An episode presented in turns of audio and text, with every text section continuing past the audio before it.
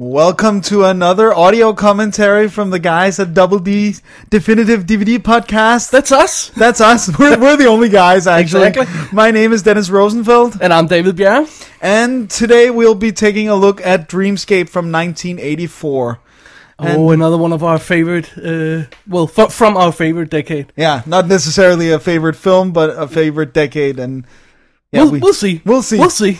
um, there's a website called commentariesonfilm.com. There is? There is, where you will be able to see notes and a few stills from the film and lots of stuff, what we've read. And uh, you can also go to dddvd.dk. and uh, to read about us Yeah. on that l- website there. Yeah. Yeah. All right. Uh, let's get going, Dennis. Yes. We're watching the uh, American Blu ray, which is actually region A. So you need to be aware of that if you want to get it. It plays 1 hour and 39 minutes and 0 seconds. Yes.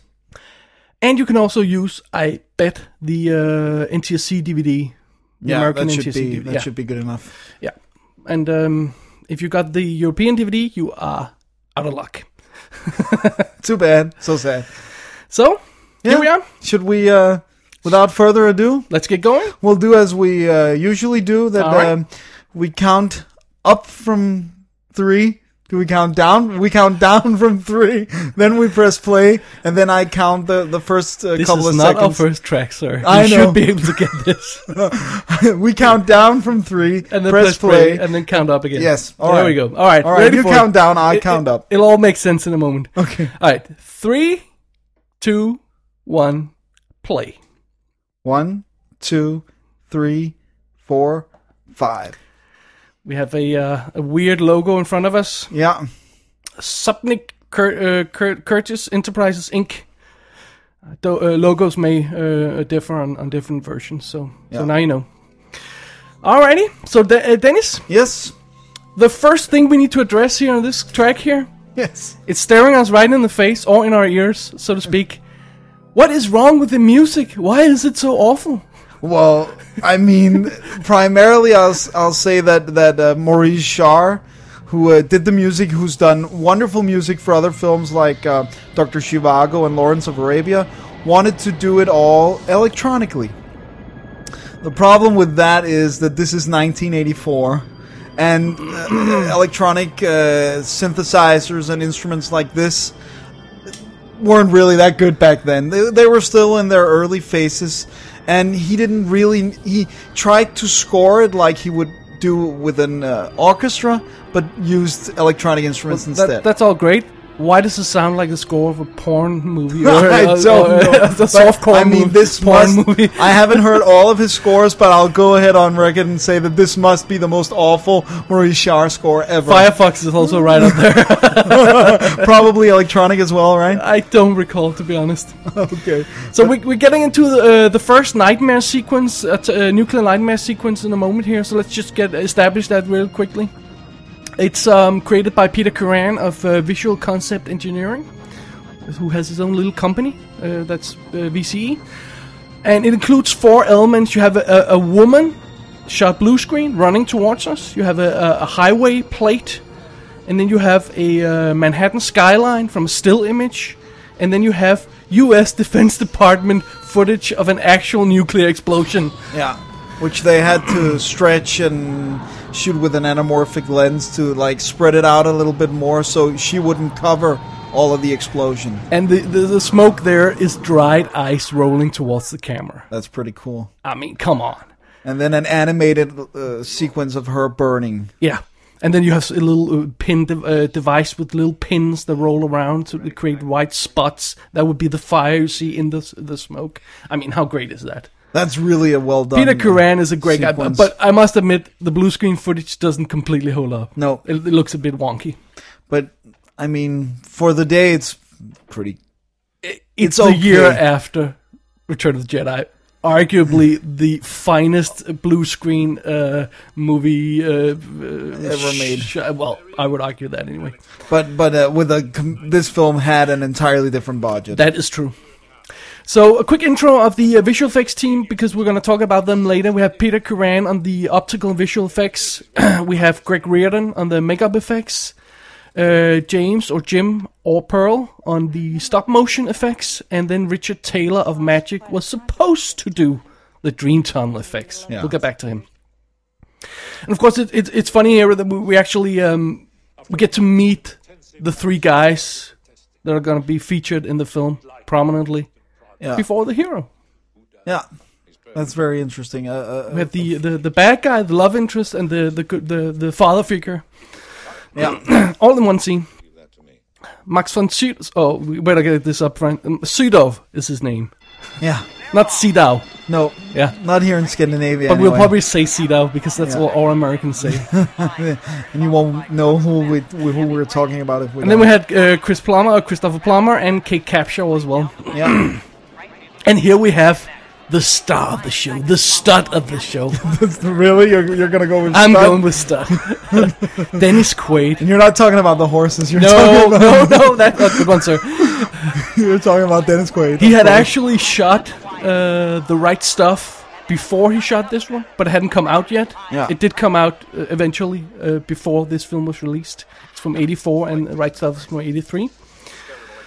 And uh, Dennis, yes. Dennis, you love Dennis Quaid, don't you? well, I, love is maybe going You like a bit him. far. I like He's him. good. He's good, but he's in, he's done some weird stuff though. I mean, he's uh, kind of all over the place. I, it's sometimes I find it difficult to like put a red like line through his his work. I know what you mean. Uh, and the odd thing about it, uh, when I was tra- checking him out, uh, prepping for this, uh, he hasn't really ha- had a big hit until the '90s.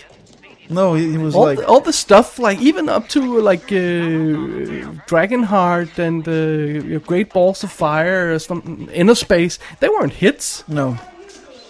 Uh, Yeah, which is kind of weird because you you think I mean, of not him big as hits. no no They, they made some money, but they weren't big hits. yeah he wasn't like but wouldn't you say that he's never been the kind of name actor that like people go see a film because of Dennis Quaid I don't think so He's like Kiefer Sutherland. yeah Like you know you're gonna get good stuff, but he's he's not in he's not the uh, the pull alone no, no. Um, he was in Jaws as well. Dennis Quaid, Jaws 3D f- uh, from '83. Um, and that's his biggest film up until uh, what's what's it called? Don't let's not talk about it.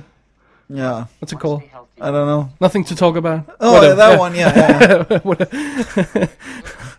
so Jaws was his biggest film, and he made Enemy Mine, which is brilliant, brilliant sci-fi movie. but not a big hit No, and of course he's uh, he was married to Meg Ryan for many years 10 years and they divorced. Big scandal back then. yeah And he was engaged to Leah Thompson. Did you know that? I did In not the know 80s? that I did not know that before For, we s- uh, for six years, he, they they met on, on Jaws 3. and she ended up with um, the director of um, some kind of wonderful right. Did she? Yeah, wha- I can't remember. Oh, Uh, What's I his think name? you're right. Yeah, I She forgot and, about um, the, uh, him. Uh, Howard Dutch. No, not that. What's Yeah, his name? yeah, I think so. Yeah? I think yeah. Yeah. Jesus. The director of some kind of Yeah. wonderful. They're still together. There's a, a, a funny deleted scene here, which is not included anywhere, where uh, Dennis Quaid tries to pick up a girl, then realizes he's already had a one night stand with her. But I guess they removed it because he seemed like a dick. Yeah, which is kind of true. yeah. Oh, and Dennis Quaid makes his getaway. Yeah, Yeah, of course. of course. And then there's the classic listening to the uh, answering machine, um, which is sort of establishes his life in Yeah. in, in some in a way. I'm wondering what they're gonna do in modern, modern movies I was when just gonna there say- are no more answering machines. Exactly. They're gone. Then Yeah. you then you have to like see them listen to their uh, yeah, their yeah. answering Check machine. messengers. Yeah. And then here we have him playing. How, how good saxophone. uh, on, a, on a scale of one to ten? How good of a sax player is he, Dennis? Well, I'll say that he's never played the saxophone a day in his life, but um, I mean, I I think it's a weird choice actually. It was supposed to be a violin or in the original script, so Yeah. I'm wondering if there was some kind of uh, way to establish, you know, he's the prodigal genius, you know, Yeah. because violin Yeah, he was plays sort of instruments indicate and- that, and then they yeah. found out it was a bit too woozy the for him nose, to. maybe. Uh, sorry, I said it. oh, and here we are being picked up by two very strange-looking guys from the government. yeah. Let's talk a bit about the producer of the film. You want to do that? Yeah, uh, Bruce Cohn Curtis, Yeah. who's uh, the nephew of um, Harry Cohn, who, who founded uh, uh, H- uh, Columbia Pictures.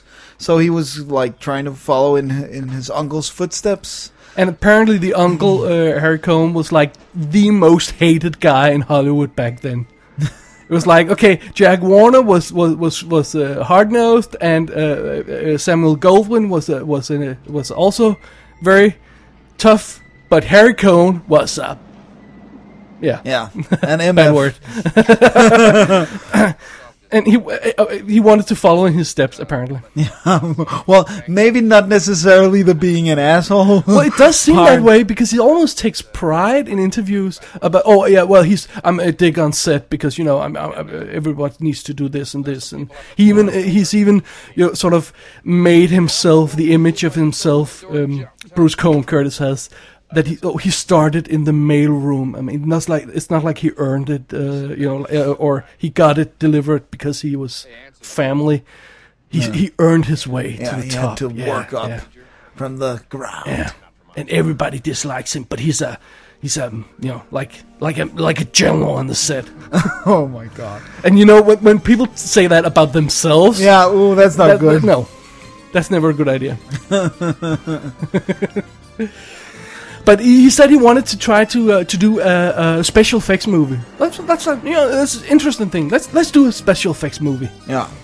Like, not a bad idea. You know, it's a bad idea to do one that doesn't have a proper financing. Yeah, budget is pretty important when you're doing an effect. Yeah, so- it's a it's a it's a it's a bad idea when you're not mm, we don't when you don't know what you're dealing with. Basically, Yeah. And You've never worked with effects in any shape or form before. Nope. Not a good idea either. I mean, it seems a little dumb, yeah. if I might say so, to just like go all, f- all, all his out. all his effort, uh, and this is uh, again the producer uh, Bruce Cohen Curtis we're talking about. All his efforts to seem like straight up, not a, an idiot producer who with a family in Hollywood. Well, they fail. he Yeah. seems like an idiot producer with a family from Hollywood.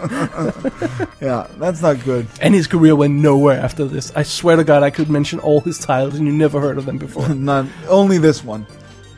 Yeah, actually, I could start Presumably. mentioning them from the bottom, and then when I got to the top, I could start at the bottom again, and you wouldn't notice that I had done that. No, because you've forgotten the first ones again. It's a bit evil, but there we are. So now we're at the Dream Institute, um, which is called Something fancy. Thornhill. I forgot. because that could be anything. Yeah, exactly. Could be like a horse farm, Thornhill. And of course, they have to get Alex in because he's a psychic. We'll Yeah. we'll get back to that a little later. Um, and um, th- this is shot. Uh, the the Dream Institute here is shot on the California Institute of of um, of Arts, of the Arts. The official looking corridors are, and then uh, Yeah. they shot at the Veterans Administration Hospital, an abandoned building for the sleeping quarters and the other offices. Yeah, And apparently, it was very tight to work there, but uh, With I think the we'll get crew. back to that in a second. yeah. Dennis, this is Kate Capshaw. Yes, Come on, she's a bit naughty. she's a bit naughty. I mean, she's not beautiful in the traditional way, but she has like she has that something anyway. Bit of a rough uh, uh, face, you know, like Yeah. a little bit like um, what's her face? Uh, Boys Don't Cry, Hilary Swank. Hillary Swank, yeah, maybe a little bit. Not not very feminine in the face. Maybe the body is. She But- was very feminine when she was screaming her ass off in uh, Indiana Jones and the Temple of Doom. Tr- True, true. That's Willie Scott, which is of course where she met Spielberg and they got married And and, they're still together. in '91, have seven have- kids and yeah. blah blah blah. I was gonna say one million kids, but seven. seven. is I good had enough. half of them adopted. Um, Probably, yeah, well, a little more, a little less than half, I hope. yeah. since it's an uneven number. But uh, she's also she was also in Space Camp. Did you ever see that? I never saw that. No, no, not really. And then she did Black Rain, which I actually rewatched the other day, and it is uh, on top of being an awesome film and great looking film, she is she's fine in it. Yeah, I know. She is fine. I'll give you that. She's fine in Black Rain, but then she didn't do that much afterwards. no, she did a- some films, but like not but it, a it lot. does seem like that whole thing with with Spielberg. And all the kids, of course. I mean, running a family is a is a full time job when you have seven of them. I, I don't know how old they are. So I don't remember anyway. But that's a full time job anyway, and she sort of let her her film career go. She hasn't had credits in 2002. That's a bit sad. Yeah. I mean, she had something going, right? Especially in the 80s. Yeah. But um, yeah, too bad. Well, maybe she just liked being a, a mother. That's not necessarily wrong. It is a little wrong. I know. I was trying to be nice. Thanks for calling me out on it. You're welcome.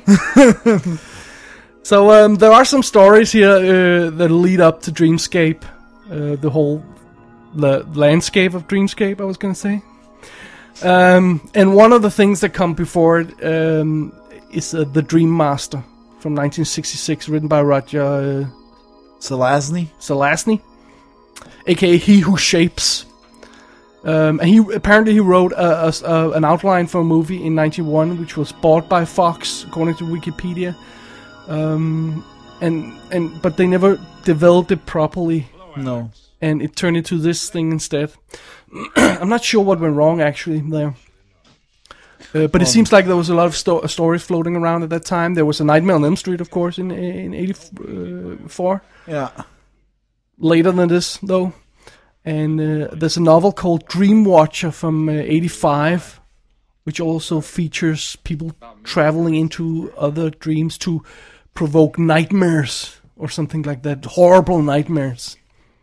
And in the the, the Dream Master, the novel from '66, it's about a, a therapist who travels into people's dreams to Help fix them. Yeah. Yeah. And he gets um, he gets a blind lady uh, as a as a um, as a patient, and then he's he's going to teach her to see in dreams. It all goes horribly wrong. Of course. Yeah, Sounds a little bit like The Cell, where it's a, a therapist helping out. yeah. if anybody thought the cell was original in terms of its story, that that's I mean, They're dead wrong. yeah. I mean, just the Freddy movies, right? Nightmare on yeah. Elm Street. But I mean, to be honest, m- people have always been fascinated and occupied with dreams, what they mean, trying to control them, what is our subconscious, stuff like that. So, I mean, Yeah, that, absolutely. that goes back a, a long way. and we haven't completely uncovered all the Stories that involves yeah and all the uh, corners of the mind either. no. This is a wonderful set, by the way. Yeah. But we'll, we'll get back, to that a little that. bit. This is also a wonderful set. um, yeah, this right or, right now. or is that a pair? Sorry. oh my gosh. So the screenplay, if we're gonna take that for a second, was was written by David Lafferty. Yeah. Is that how you say it? And Yeah. bought by Fox. Why they bought that and the novel and the outline from. Uh, from Maybe the just other to- writer to, to to make sure, sure nobody could Yeah, I think get it. so, yeah, yeah. maybe. And apparently he had written a draft that was like this crazy, insane vision of um, uh, New York on fire uh, after a bomb and uh, Statue of Liberty consumed by fire. And oh, sounds very, very scary. Which I thought was very interesting. So they bought it and changed it Yeah. because they couldn't shoot it. Yeah, they couldn't afford it. Why would you do that? Yeah, I mean, then let someone who can afford it do it because then Yeah. they, that's the reason they moved I'll it to never uh, understand that. they moved it to L.A. and Yeah, yeah, and and, and sort of reduced uh, how crazy the, the the nuclear visions were, uh, were later in the film. But uh, why would you? And it happens often in Hollywood. It's like, oh, it's great script, but we can't really do that, and then that's we'll change that. And what do you know? It's not a d- great script anymore. how about that?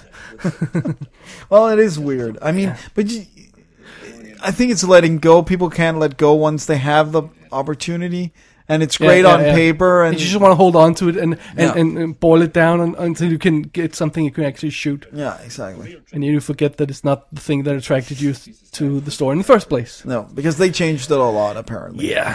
And uh, the director of the movie, Joseph Rubin, uh, uh, rewrote the script with the associate producer Chuck Russell um, into what we're seeing now. But apparently, it was it was more or less identical. I couldn't find the original script, but but uh, they were just they just Polished, it off. reduced it in size. Yeah. And David Laverty, he's uh, Yeah. Dennis, he wrote Star Trek Five.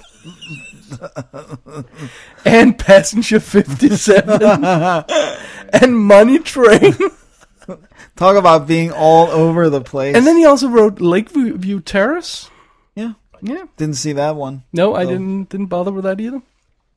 But uh, but it's out there in the universe. my god. Okay, ready for it, Dennis. Get ready. Are you ready? Yeah, I'm ready. Okay, here we go. Norm. He's in a bar and it's Norm. it, that's George Wendt. Yeah. Uh, more about him later. So now we're into the um, the uh, the first. No, no, no. We're not into the first anything yet. I was waiting for Dennis Quaid. Oh. where you were is- going. is going on a nighttime excursion. Well, Yes. we are into the first uh, uh, dream sequence. We, Yeah, uh, the we're going to see introduction him, of the but- dream but, chamber he's as he's well. not a part of it. no. Um, talk about the, the the dream chamber. Yeah, because I mean that is just a wonderful, wonderful design. It it's- it somehow reminds me a little bit of some of the 2001 Space Odyssey sets as well. The the whole foam Right, right, thing, right. Uh, but blue. Now, now it's here. just walking through the halls. We're coming down to it Yeah, now. to It's- the we're talking chamber, about the yeah. chamber down here now. Yeah. yeah. Uh, but but uh, like it it has that womb quality that Yeah. that you you imagine that it's soothing and and uh, quiet and And except for the computers and the TVs, which are obviously old school from the 80s, I mean, you uh, tech just dates you so quickly in, in movies. Um, it the room itself, I, I could imagine looking that, that way today. It just Yeah. doesn't look terribly uh, Yep. dated. quaint in, in a way. No, but this does The the computer screen, Yeah, yeah, yeah. yeah. with the green on black. But I mean, they could have gone over the top with it and, and done something like you remember Hollow Man, where there's this giant structure and they're going down with an elevator and, and it's a super secret uh, high tech chamber. And I, I bet in five years that that looks stupid too. Uh, um, though it's I I would say it still holds up, but it's just ridiculous that they would build a giant basement. but then that that's Verhoeven and he's crazy. Yeah, he certainly is. So this is a little kid, Buddy, that we're gonna Yeah. see later again. And then they're oh they wake him up. Uh, everything is all right with him or not, as it were. And then it's Edward Sims, who's uh, the psychic who's been traveling into his dreams, trying to help him, but it didn't work. And That's he's not looking a too happy. very subtle way of showing it. I mean, they could have gone overboard with a terrifying scene showing But they him couldn't afford it. well, he could have been screaming or anything. Oh, something. I okay, mean, yeah. bleeding out of his nose—that would have been cheap to do, right? Yeah, something like that. True. His ho- his head could have exploded. Oh, wait, But one of the problems with this film, and one of the problems in paring it down the way they've done, is that some of it ends up being a little dull. yeah, I'd say that all the sequences that aren't action or effects. and this scene here, excuse me, in the in the um, in Alex's quarters. I mean, a, a lot of people blame the uh, the cinematographer Brian Tuf- Tufano Tufano Tufano. Tufano Um, Maybe for for making the film look like a TV movie, and you can say, well, he's he's a he. What does he know? He knows nothing. But he has actually shot a lot of film for Danny Boyle. yeah. He shot Train Spotting, Shallow Grave, A Lifeless Ordinary, and they're not boring looking movies. no, no, no. So something, yeah, I mean, it was, and also, you know, you have such a small set here. You can barely fit a camera in there. How are you going to get any lights and interesting things? Look, it looks, it looks really dull. I must admit that. Yeah, I mean, and all the furniture is dark wood, and I mean, You know, I bet that furniture was there. yeah, it I probably didn't read it. was. That's my m- me guessing, but. yeah, probably was. And I mean, just the- having them sit on the bed and Yeah, you can't the- uh, do anything. And the ordi- ordinary sunlight from the windows just lighting up one of his face, uh, one side of their face. It's just that's that's they, they can't walk around No. really. They can't really do anything. I mean, But I, I still th- think the scene works because Dennis Quaid and Max von Sydow is so. I I mean, they are so great. So. yeah, they're they're great together. They, they have sell great it. chemistry, and they really sell that father son. They do, they really do. Uh, plus, this is a classic moment. He gets mad at him. No, no, no, you're a bitch. and I'm never gonna. I'm never, never, never gonna do this. Yeah, I. This is one of the all-time great cuts, comedy cuts. I guess you would call it. I'm, I'm not gonna put it up there with the spinning bone from 2001. but it's pretty funny. or the other match being blown out in, in Lawrence of Arabia. But it's a pretty funny cut. what do you know? He said yes anyway. How about that? so we talked about uh, Alex the psychic. What, what kind of a psychic is he? Now he's reading minds. Yeah, or not necessarily. Is he reading my? Is he reading her mind, or is he just psychic and knows what the card's going to be? Well, it's, it, how?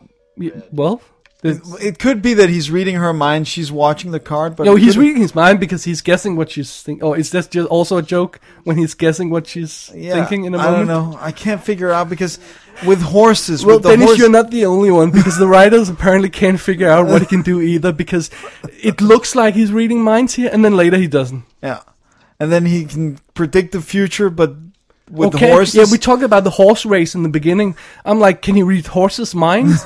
or I'm gonna be great today. yeah, brr, I had a nice dinner. Yeah, look at me run, look at me go. Or can he actually predict the fru- future like you you point out? Well, with the horses, it must be he must be uh, like a psychic, psychic. He can what? predict Because the it's future. unrealistic to Yeah. read horse. minds. yeah. Nah, yes. Okay.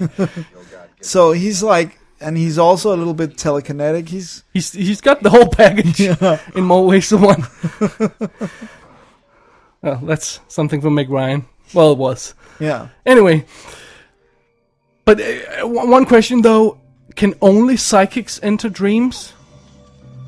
Well, They talk about they don't- need they psychics. don't necessarily say that they're the only ones who can We get do the it, but sense that they're very early in the development of this technique, so Yeah. maybe it's something that anybody could use at some point. Would you would you say that? Was Yeah, and maybe it's just because that the the psychic uh, is like more prepared for all the visual and Oh, makes sense, impressions on the yeah. mind.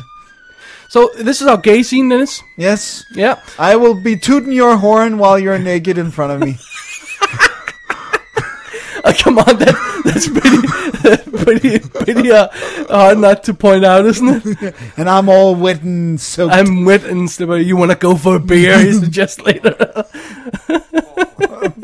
uh, this is David Patrick Kelly playing um, playing Tommy Ray, and uh, I, I I've always loved him in Twin Peaks, where he plays uh, Jerry Horn, the Yeah, brother of Benjamin Horn, Yeah, who he's owns the really hotel. And he comes home. He's only nine episodes. He comes home and he's crazy. and in, in my mind, he's probably. Uh, I mean, the Warriors. He's the one going Warriors. Isn't he the guy from come uh, out from and uh, play? from from Commando as well. No, Yeah. uh, sorry, for 48 hours uh, Yeah. for you, where he's like he's he's hanging him out over the edge. You say you were gonna kill me last, Yeah, right? yeah, yeah, I yeah. lied. That's him. He's really good. In, Yeah. in the in those. Uh, Always films. liked him. Yeah, but he, he, I couldn't imagine him playing like a really nice guy, like really just a nice guy. Nope, not David Patrick Kelly. No, He can't do that. he did play President Truman in Flags of Our Fathers. I don't recall if they'd given him an evil spin. they must have. Evil Truman. I, I uh, quite possibly slipped during that part of the movie. also during that part Also of the during movie. that part of the movie. That was not uh, intense. But but he's All right, but that's that's it's an interesting confrontation nonetheless. and That's he's what- already creepy here. We already sense that he's not Yeah. completely normal. Back in the So great we know set. that's the competition, but we don't know exactly In why. what or- way. yeah. So we're coming up on the first example of the Dream Tunnel, which was supposed to be created by Richard Taylor of Magic. Uh, Magic was the company that did the visual effects, the computer-generated 3D footage for for Tron, yeah, for the light cycle sequence, um, which is awesome. which is awesome, and the first CGI human character for Michael Crichton's Luca in '81. Uh, so they were early CGI experiments. They were usually uh, they were created to to trace nuclear radiation, and found out, hey, we can trace light as well, and then we can paint images, and then wait, CGI. There you go. It's a very quick way to establish what it CGI is. here. Yeah, Uh, but they could they couldn't uh, create something that looked organic and real, so they had to drop those sequences. Instead, they were created by Dennis Pease, who shot, uh, who's a, an artist or, or independent filmmaker who shot some chemicals layers in an Oxbury animation stand. You know the kind the where you have a, a camera mounted looking down on a, a flat surface where you would normally do animation, but they had chemicals there and they shot them in these layers and merged them together, and that ended up creating the traveling through the dream tunnel we're going to see in a moment. yeah. And then, tsh, how many years later, in when the cell came around, they actually did the CGI Dream Tunnel, and it yeah. looked good. It looked really good. Yeah, but but it took another uh, Almost twenty years. yeah, almost twenty years. so we get ready to go into the dream, Yeah. Dennis. Another thing that dates this movie. Yep. Max von Sydow's uh, glasses Oh, okay. doesn't get more 80s than that. But this looks pretty cool, I actually. think it looks very great. Great, great uh, this uh, dream sequence. And it's enhanced it, it- with some and- great sounds as well. and, and but it, it- why it looks great, I think, is because it looks organic. Yeah. and it has you- like you- real feel. and you real, imagine traveling into the mind should be an organic thing. yeah. This is This is a pretty good sequence. They Yeah. shot this on a very bright day, so they were able to pull mats off the uh, the buildings and the characters, and that way they could insert the um, the clouds after the Yeah. fact. These clouds were dry ice Once shot again. on black velvet. I mean, really. really When yeah. you when you really look at them, they don't look like clouds, to be honest. no no, but they have they have to have that otherworldly yeah, they dream look great, feel. and there's a great sense of depth in them, and Yeah. uh, I think they pulled it off pretty damn well. yeah, In a moment, we're gonna get a blue screen shot of that's the not very of Danish good. Danish crate. That's not very convincing, and and uh, apparently. The director asked Peter Curran, who, who supervised the sequence, uh, how Dennis Quaid should move to sell the illusion of him flapping around. Or, uh, you know, he was Yeah, lying on a tumbling blue down, screen. Yeah, yeah. exactly. And he, uh, Peter Curran explained it to him, and then he ignored it. and did something else. So And this is quite telling of a, of a lot of effects in this movie that they just ignored advice from people who know better. yeah, And you can also tell they, they really struggled with the, the blue screen assembly of this shot because you can see the background through his legs, for example. yeah. This this is a- really horrible. A classic old school uh, blue screen problem because. Yeah, and he's Oh. wearing sort of blue pants. But no, and- that's not it. It's more like the fact that it's a, it's a light background he's put into. oh, So okay. if you did it properly, there would be edges around. So you have to really. The same thing they did with the Hoth sequences in Empire Strikes Back. yeah, So he survived. yeah, Yeah. The first dream sequence. he's back, and here we have. Oh, no. oh, he's not looking happy. Tommy Ray is not happy. Nope. That is bad. Of course, they need a CAT scan of his brain, and there he is. And for some reason, they decided to shoot this in the most dull location they could possibly have access to. Maybe they actually used a real CAT scanner and, and just shot in a hospital because I mean, yeah, it, It- might be. how would you create any sense of drama from this gray set with a gray man in a gray suit coming in and then the other guy strapped to it? Yeah, this scene does not work No, at it doesn't. all. And this is the in- the real introduction of the bad guy. Yeah, I mean this. I- th- When I rewatched it for the, the preparations for this commentary Yeah. track, I was thinking all through this f- scene. This should be scary. Christopher Plummer should be intimidating, but it just doesn't work. Yeah. He's not scary. Okay, the only thing that marginally sells this scene Is is, it- the fact that they're acting so well. yeah, and the fact that he's tied down. Yeah. But it's like, why can't he unstrap him again? Yeah, and why should he be? I mean, I don't think normally you would be strapped down. I mean, he's almost a Bond bad guy at this point, right? Yeah. Oh, I see you have been strapped down, Mr. Yes, Bond. Now I will uh, expose the, all my plans. yeah, yeah, Exposition time. Here we go. yeah. and you can run. Turn away. on the unnecessarily slow dipping mechanism while I leave the room. that sort of thing, right? but in all fairness, he is a classic Cold War bad guy, uh, Yeah. a spy bad guy, where we're not. Comp- we think he's a good guy here, but of course, we've seen the film so many times, we know.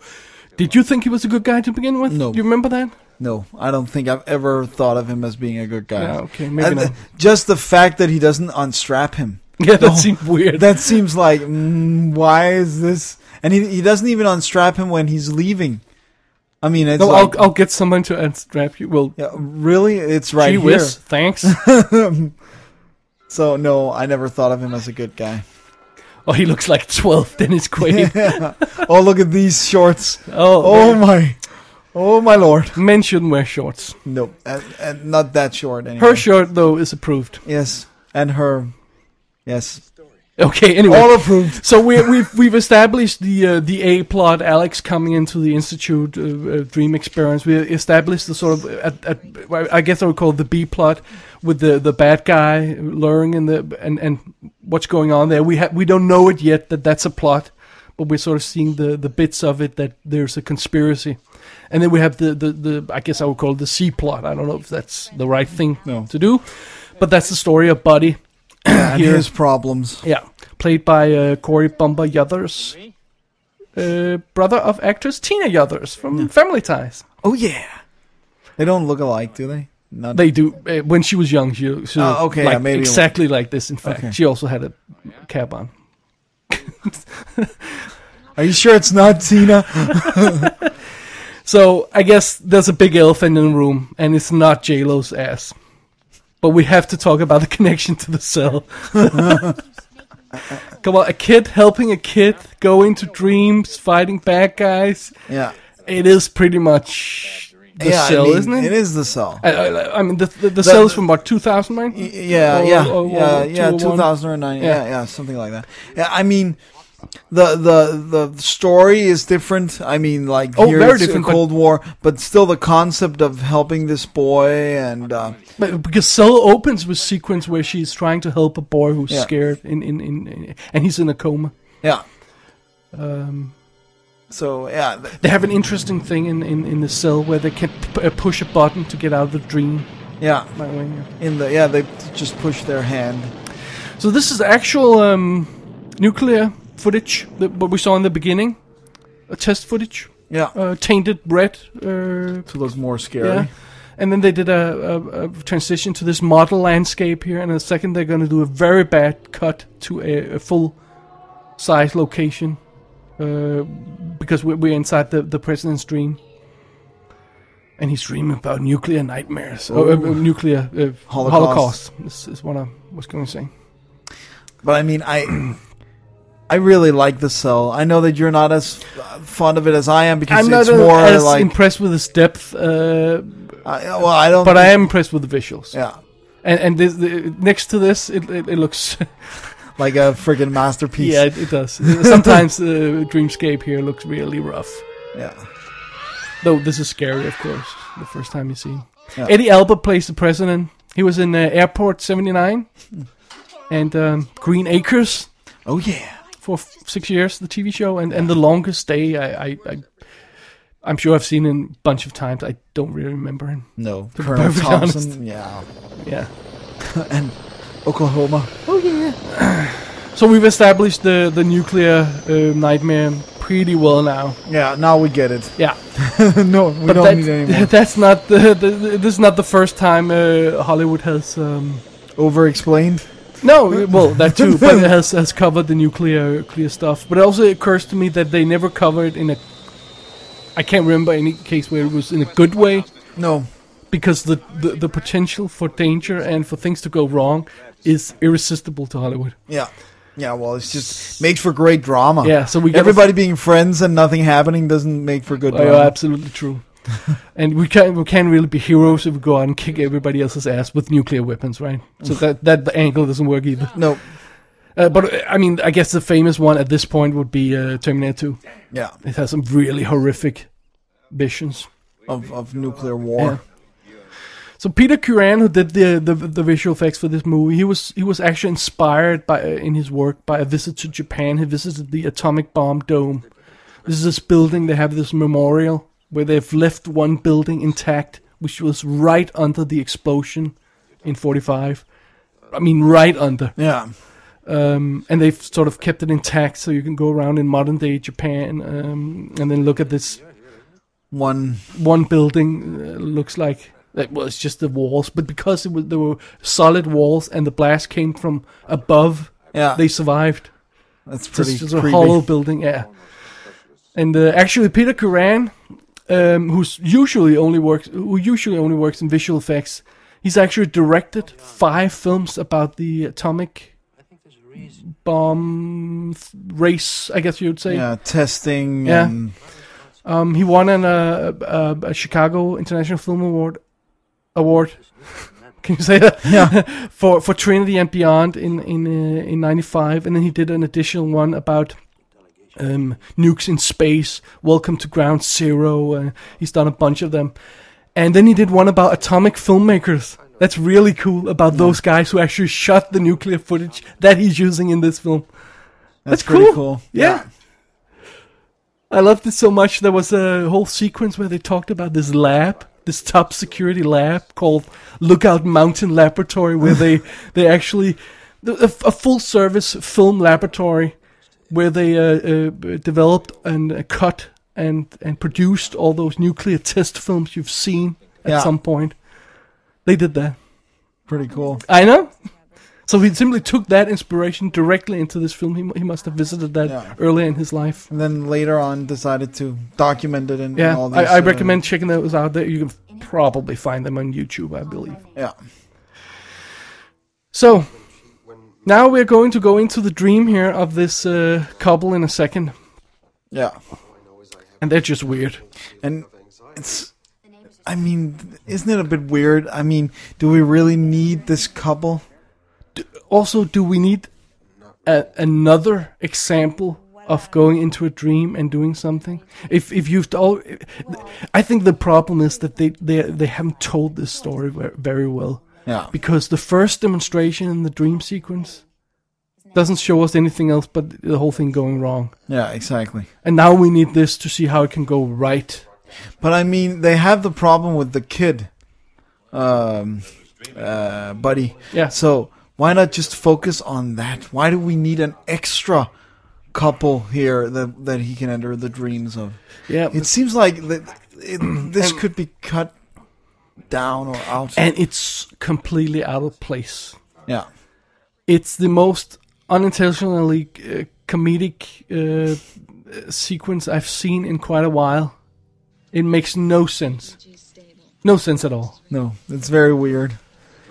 So they're getting ready to send him into this uh, horrible guy here, whose uh, wife is um, is after him. Yeah. and he's very uh, he's very jealous. Yep. And um, yeah, that's a comedy sequence. Then Yeah. it's- there's no two ways about it. No, no, no. This is Yeah. the for some odd reason, almost exactly in the middle of the film. Not entirely the middle of the film, but almost. They put in this weird comedy sequence. Yeah, I- mean, th- this is very this is Don't a know very what odd that is choice. And uh, on the commentary track for the official uh, release here, the, the they talk about the fact that originally it was going to end with the husband trying to kill himself In the dream, in the dream. And then they went with this instead, with with wide angle lenses and and comedy uh, sounds and, yeah, and like slapping his face, and and carnival music. La, la, la, la, la. and why would he? Why would he like test everything? Because he's been in a dream before. Yeah, with the with the worker and, and tumbling down. But still, he has to touch his face in a comic way, and it seems like those two dreams could have been uh, co- uh, put together into one Yeah. more efficiently, right? yeah, All right, so blah blah Okay. blah. They- they- he's going to help him. yeah, I couldn't help think of another uh, dream sequence, and that's the one from Golden Child, which is also completely out of character for that film. You Yeah, remember that? Where yeah. he's got sort of going around, seeing strange things, and that just makes no sense. and you don't feel it's there for a reason. No. But this is, I this mean- is- this is also too long, and it doesn't like. It's not. It doesn't feel very dreamlike. I, I mean, okay, the lights red in the house, but Yeah, but, But- that's supposed to be danger, right? Yeah. Red is danger. yeah. And, uh, But the music is carnival. I mean, And then come that- on. it seems like a bit like, you know, like a dirty little movie, right? At this point, looks like a sort of a B porn movie or something. This is not good. No, it's just what the hell. And, f- and in front of the children. Oh man. this- And the ch- the kids couldn't be in the shot uh, with the sex scene because No. that's illegal. You can't shoot that or something like that. so that's why they're shot yeah, separately. it's so far away as well. and, and the preacher and the guy. Come on, what are you doing? they should have kept uh, that intense, exciting mood. And uh, c- c- carried it over into this scene where he says, "I'm gonna help Buddy," Yeah. because that's that's a dangerous proposition he's doing and, and we just had this comedy sequence it doesn't work at all I mean, and it slows down the film. It does, yeah. I mean, it's a it's a relatively short sequence, a couple of minutes, but it really like takes all the energy out, all the tempo. It's just like, okay, now you have two minutes where nothing really happens. yeah and we don't get to see what happens with the couple uh, no I mean, either. it's just so it, they never return to him so weird. at this point here uh, in a moment max von Sydow will mention the senoi the dream people of malaysia so i just want to spend the two two words on that Yeah, apparently, according to this film and according to things you can find on the website, the the uh, Senor Dream people is an an, an Aboriginal people in uh, Malaysia, and they're this strange people which easygoing and non-violent. They have no mental illness or neurosis in their population at all. And that's because dreaming is the primary focus of their their social and intellectual life. They're simply uh, they meet every morning and talk about their dreams among the, the tribe and, and children are taught to confront their nightmares and dreams and take control over them and get pleasure and people would would meet in real life and discuss how they would later meet in the dream world and to fix their problems and if you hurt someone in the dream world you would apologize to them in the real world and you know stuff like that which is completely and utterly bullshit. Of course it is. It's a fairy tale created by uh, an antro- anthropologist, uh, anthrop- anthrop- Anthropologist. anthropologist, thank you, called Kilden Stewart, in, in uh, who, who visited the tribe in the 30s, and a, psych- a psychologist, Patricia Garfield, who visited them again in the 1970, 1972, and no one else. People who spend months with these people found any evidence at all, ever Ever. about any of these things that these two uh, people wrote about and reported about. They talked to the Senor Dream people. They talked about their, uh, asked them about their dreams, and nothing, nothing. They they they, they, they talked about the, you know that dream fairy tale there, um, is true. And uh, apparently, uh, of course, there's a complete uh, pseudoscientific movement based around trying to uh, Of course, work uh, together in your dreams. yeah. I mean, a- a- as soon as anything moronic shows up, somebody made it into a religion. And of course, they have. A religion, really? The most funny thing is about the, the, the whole concept of this this film actually is that you're supposed to f- eh, teach the kids to f- to to confront their fears. And they asked the Senor uh, people about that. One of the researchers did it, and the reply was something along the lines of, "No, no, you shouldn't as- instruct children to do anything because a- co- a- authority makes children sick." Was their belief, according to this this person. So the- actually, the the, the, the complete opposite of, of, uh, what's what- being reported here. Well, that's just awesome. yeah. All right. All right. Now we get into the the next dream experiment, That is absolutely true. Buddy's nightmare. oh, this is scary, Dennis. Yes. Very scary. Another uh, dream tunnel. You want to talk about this uh, nightmare sequence? Well, of course, here we get um, they introduce the the concept of the should we call him the Snake Man? Uh, and and and this is the first dream that really looks like. I mean, this looks like Dr. Caligari, the cabinet of Dr. Caligari, Yeah. where everything is like off and uh, the windows are not like normal. They're uh, tilted and everything's off.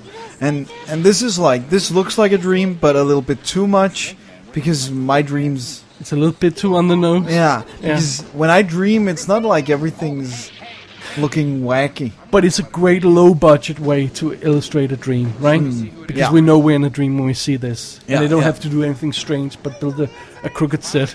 No, no, basically. but but what's funny is that some of the other dream sequences that that, like they do something with the the quality of the video and to make it look like a dream, but they don't really do that here because then the set's built to look like a dream, so they're not entirely consistent in the way they show that we're in a dream. No, that's true.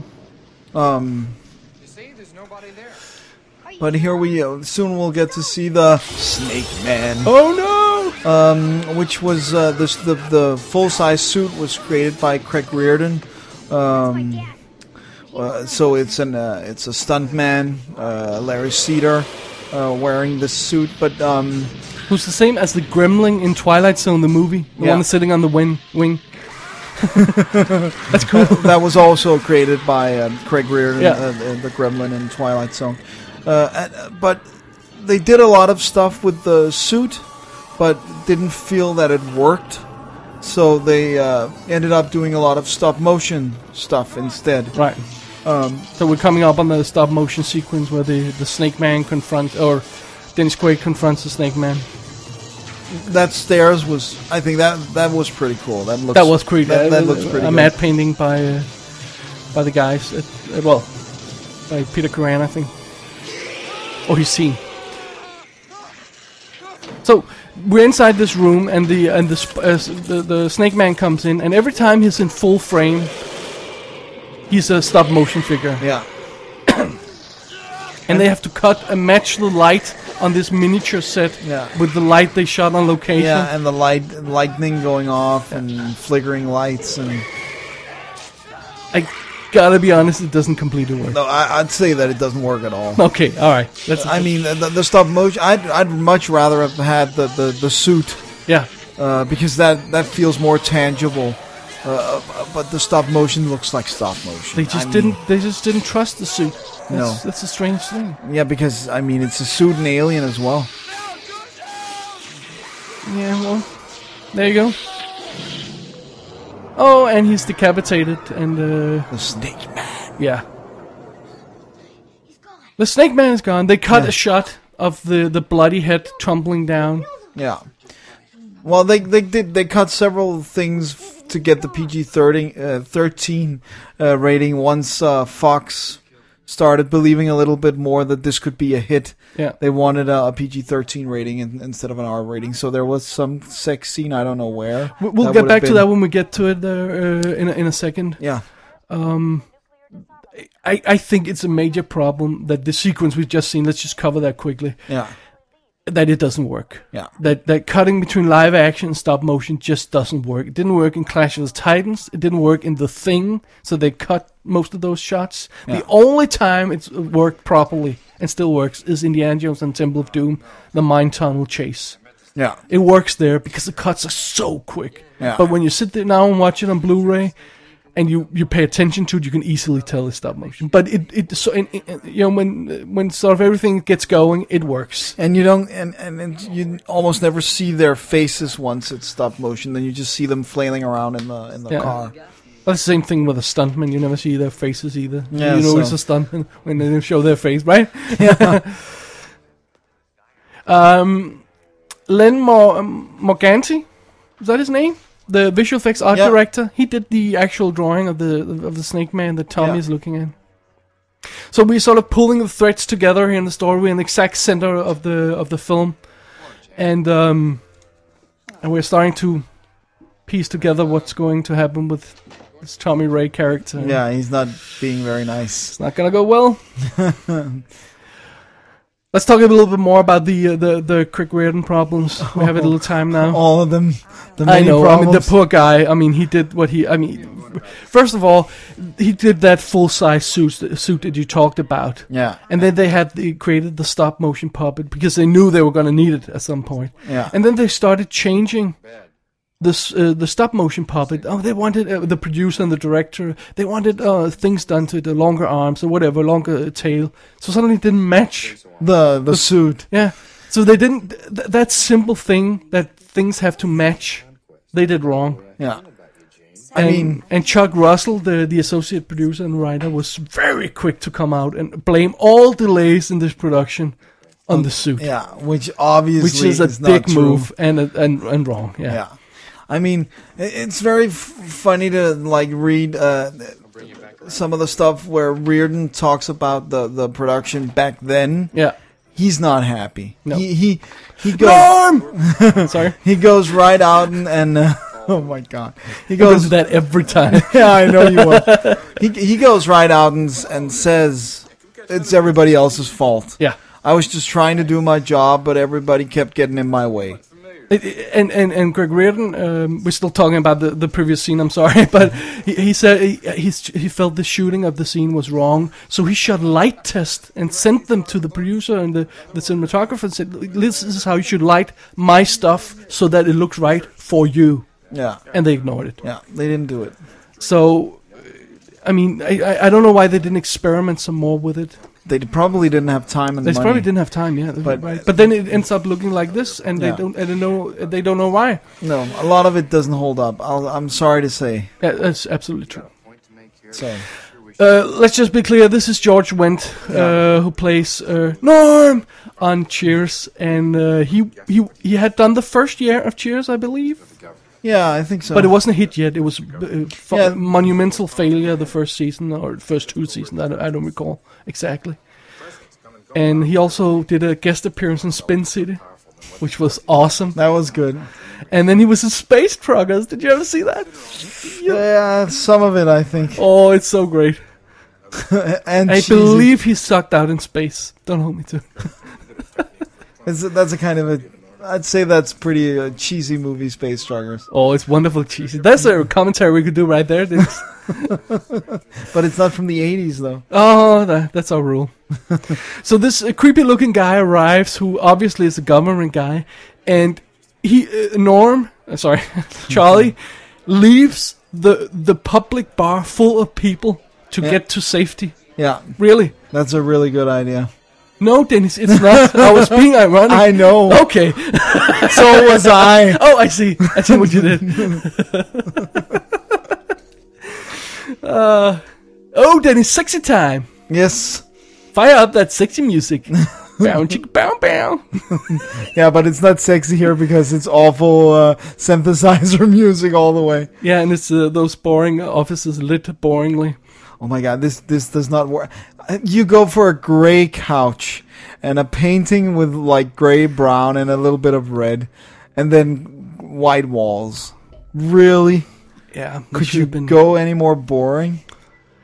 Okay, so anyway, he sits down and uh, fi- and and tries to enter a dream, even though we have not established that that's even possible. No, no, the, the movie's not even mentioned But it. but the fact that it doesn't mention it means that I actually didn't notice the inconsistencies in that whole thing until I started doing the research for it and sat down and compared the scenes. I never it never crossed my mind that there's no establishing of what the rules are because they keep breaking them. Yeah, well, maybe he's just the first person because the the the the experiment. Well, you get the is- sense that Tommy has done it before as well, don't you? Yeah. Because I mean, when he sits down later with the president, it can't be the first time, can it? No, no. He must have practiced. I, that's But what still, I mean, yeah. the, the, the the project is in its early phases, and and um, uh, Max von Sydow's uh, character doesn't focus on trying to do it without the machines because why would he? right. And of course, this is a const- conductor we'll see later again. Yeah, Okay, so so uh, Dreamscape was a PG-13 film, yeah, and it was the third film yes, that sounds. that about got that right. rating. Uh, and the um, third film released, the first one was Red Dawn, Red Dawn, yeah, which is i- incredible that that could get a PG thirteen rating. Uh, and then uh, uh, Dreamscape and the Woman in Red, which has full frontal nudity, bush and everything. yeah, In uh, sorry p- for being frank, uh, b- and it's also PG-13. That, that would probably be How- R now. yes. Well, it would be. yeah. Um, but uh, uh, one of the reasons uh, the story behind the establishing of PG thirteen in the eighties was the fact that, that that films like Jaws and Indiana Jones and Temple of Doom and Gremlins had been rated PG Yeah, because they went from PG to R and there was nothing in between. yeah. The story goes that Spielberg himself suggested to MPAA, I don't, which is the rating board of, of the uh, of USA. I don't know if that's true or it's just a good story. Do you know if that's actually? I don't true? know if it's. A, I've read it lots of places. I read lots but of places, and I c- kind of yeah. You Well, think maybe it's a that's true. story? Maybe it's true. Maybe it's true. Who knows? I mean, I wouldn't put it past Spielberg to say we need something. Um, I've read some replo- reports that this scene has uh, where they're kissing and uh, he's taking his clothes off, and she is not for some odd reason has nudity in it. But I, ha- I haven't I haven't got the European version here with me, so I can't confirm that. No. There are other versions, uh, places where they claim that that uh, there's a nudity in the in the earlier scene with the cheating wife we saw. Yeah. Uh, but I took a screenshot of that scene, and it seems quite clear to me that the nudity, her breast, would actually have been in the black bars in the bottom of your screen if you saw it on an old-fashioned screen. So if you remove those bars, at you as you would for TV, there Then- would actually be nudity in that scene. Yeah. So that seems to be be the reason for, for, for this. They talk about the uncut version of Dreamscape, but it's like it's one second of a boob. I, I think we should just move on Yes. with our lives. like right now. Yeah. And she's of course not happy with him invading her dreams without her permission. No, Dennis, the problem is she is happy.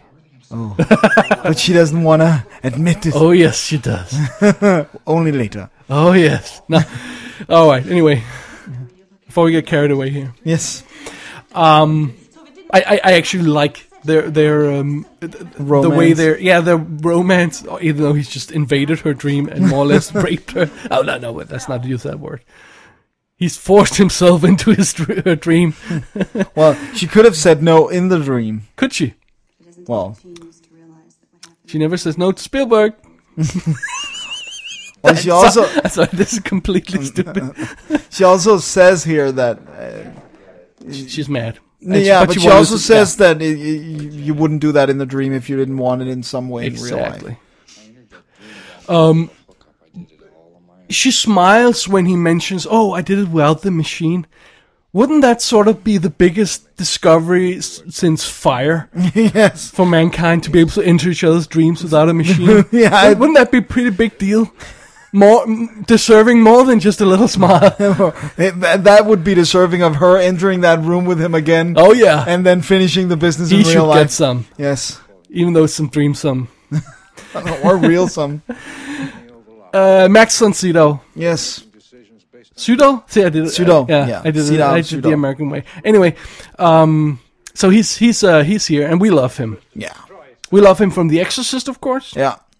Uh, one of his greatest performances, and he plays in a s- in a film that that also a sort of conspiracy uh, spy uh, kind of thing. That's uh, Three Days of the Condor. Which is a wonderful film as well. Oh, absolutely wonderful film.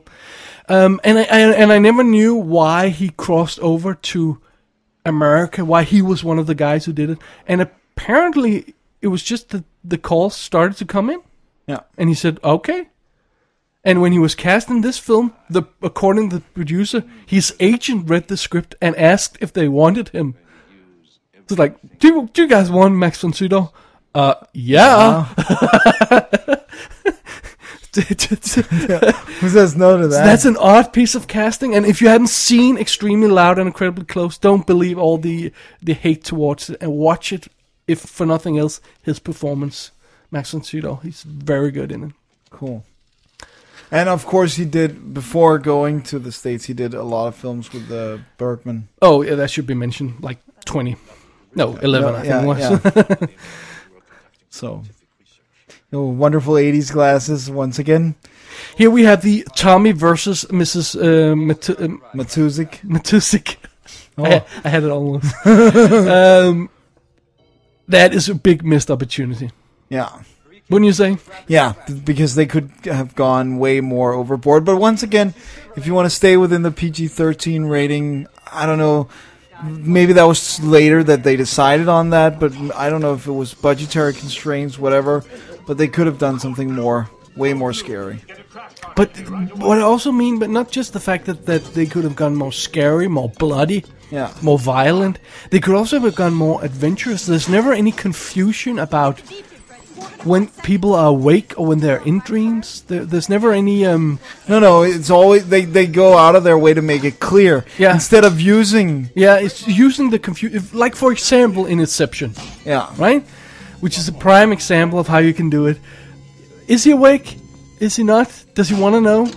There could have been some great double wake up moments Yeah. here or something like they that. Don't, they don't They never really- do that. They never really use the dreams No, like beyond the most conventional they are ways. very. It's a very conventional film. And imagine, for example, if instead of making Tommy the bad guy from the start, Yeah. that he had been corrupted, Yeah, exactly. I was just gonna say Yeah. corrupt him during the film. corrupt him, and then use that as an element of danger for for Dennis Quaid. Uh, Oh, I can't go in too many times because I'll lose my mind, like Tommy, right? Something like that. That would have been scary.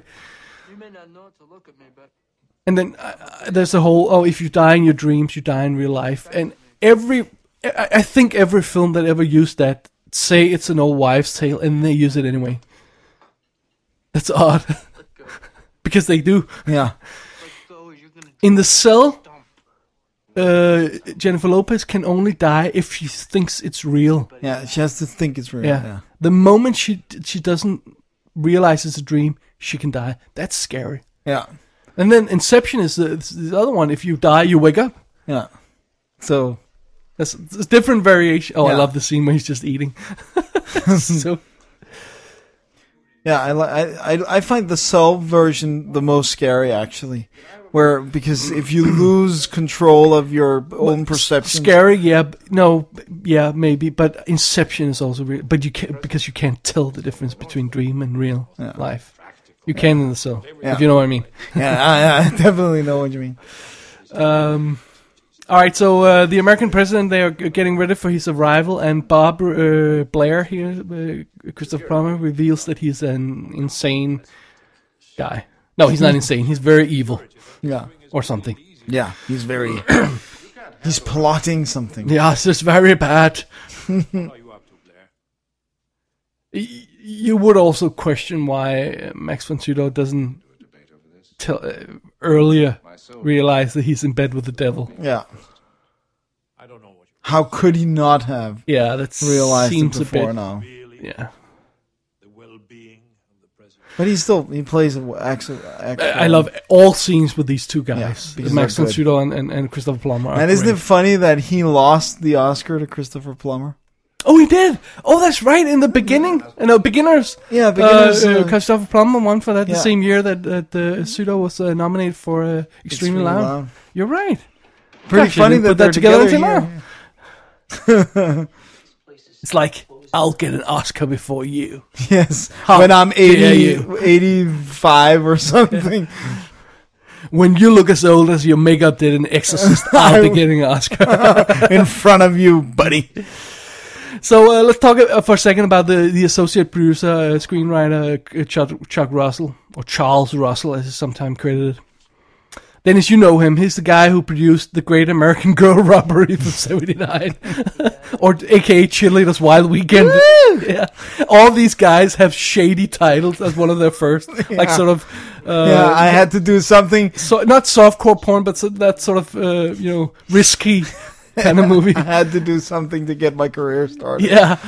Um, but then he directed later the third Nightmare on Elm Street film, Dream Warriors, which basically ste- steals the concept from Dreamscape, Yeah. and he even admitted that he did it. He admitted that. yeah, they- he admitted. Yeah, we took that. But that it- works. and um, pro- quite possibly the best Nightmare on Elm Street Yeah, in, I think in so. I our think so. opinion, Yeah. anyway. Uh, Chuck Russell also directed and wrote the Blob remake and the Mask and Eraser and Scorpion King. Oh yes, So there's that. there is that. Yeah. And he did uh, as a producer back He's- to school. The, yeah, oh, he did that too. There's this uh, joke about um, you know the associate producer credit is sort of the one you stick guys with you just want to mention in credits, but they didn't really do anything. It seemed like he was almost a producer co-direct on this one. Yeah. he made a lot of the important decisions and uh, uh, Story liaisons with also the, and- the special effects and all that kind of thing. So, all right, so. Didn't you want to talk about conspiracies? This is, seems a great time. 'cause We're getting into the, the conspiracy sequence. It's funny because I'll uh, I'll let him be unnamed, but I have a friend who's who admitted to me that he goes into like b- believing these conspiracies. Is it last? Uh, no, because uh, because as he said. Uh, it makes his it makes life more colorful. Colorful if there's all these wild stories of Right, stuff right. going on behind the scenes. I just can't. uh, It just doesn't work for me. Uh, there, there has been done some research on it, and a lot of very intelligent people have written about it, and, and it seems to me that, that there's often the idea behind a conspiracy for people, like, for example, uh, fake moon landing or, or, or 9-11 conspiracies or AIDS. Yeah, stuff like that is that it's it's an attempt to put uh, uh, chaos into order. Oh, it's not just random s- disease killing people. Uh, oh, it's not just you know some terrorist act. No, no, it's a conspiracy because Yeah. then people decided to do it and it makes sense. yeah. Uh, which is, I guess, more or less the same way religion works, right? It makes Yeah, sense. yeah, There's yeah, an the order to world it. was was created yeah, by there's there's, uh, there's a being- purpose to. I can't see it, but Yeah. there's a purpose because there's something behind it. That seems to be the uh, the allure for most people. Oh, I forgot to say Norm. Well, the funny thing is that sometimes the the conspiracies turn out to be real. Well, I mean, CIA has done a lot of the stuff that at one time maybe Watergate. was yeah that w- Was a real conspiracy. yeah. I mean, so but they're often not as big as like the ones that people tend to believe in. No, and they also get exposed because people can't keep their mouth shut. Yeah, exactly. well, anyway. well, well, it works in film. So, but the whole conspiracy is, of course, uh, the, the the the product of of Charlie, the writer here, and now that we know there's a conspiracy, we don't need him anymore, and he's Yeah. killed. But it does seem a little bit sudden, doesn't it? Yeah, very sudden and very unnecessary, I'd say. I, a bit. What did he do? Yeah. Except go to a bar and drink a few beers. Here he is, Christopher Plummer. Oh, he's great. Yeah. I have never, confession time, Dennis, I have never seen Sound of Music. Oh, I have. Didn't like it. So I. I mean, they they just yeah they just sing too much. That seems to be his big film, right? And then, of course, uh, later he, he's done some big, big fan favorites like Star Trek Six, the the Undiscovered Country, Chang, General Chang. Is, is that not his name with yeah. the, with the patch? on Yeah, the eye? yeah, that was good. uh, Twelve Monkeys, uh, and he was in um, he was Mike Wallace in The Insider. Great, great film, great Yeah, performance. Yeah, And Inside Man, he was great in Inside Man as well. yeah, that was a good film too. And he did the voi- voice for the Explorer in the Up. Remember that? Yeah, that was good. yeah. And finally got his Oscar in 2010 or 11, as it were, uh, for beginners. Yeah.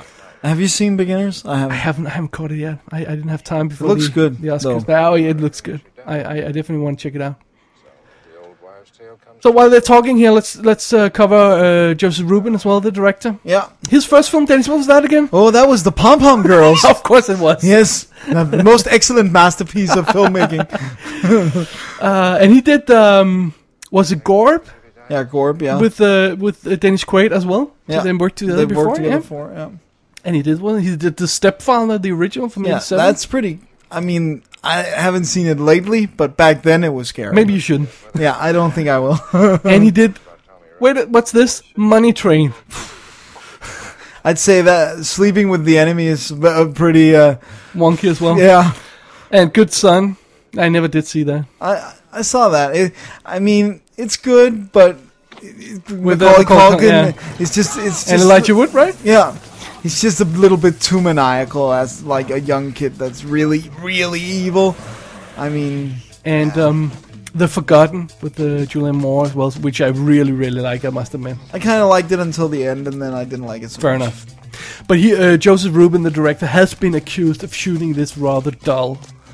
I, I don't. Th- I, I- I know what people are talking about, but I think it's more like the production design that we talked about, and the cinematography is perhaps a little too realistic in places. It's not adventurous enough with its lighting. I mean, they don't do a lot. Like here, this scene is just they just stay with that one angle until he gets up on the bike, and then I'd say it's too close. And I mean, they just could have done a lot more. Yeah, yeah, it, it, it is a bit lackluster. I, I'm, I'm, I'm sh- I think I would blame the the lack of money And more than time anything time else. constraints as yeah, well. uh, and, uh, because that that has an odd effect on a movie like this. You really need m- time and, and, and money to, to establish those great locations and shoot it properly and everything. Yeah.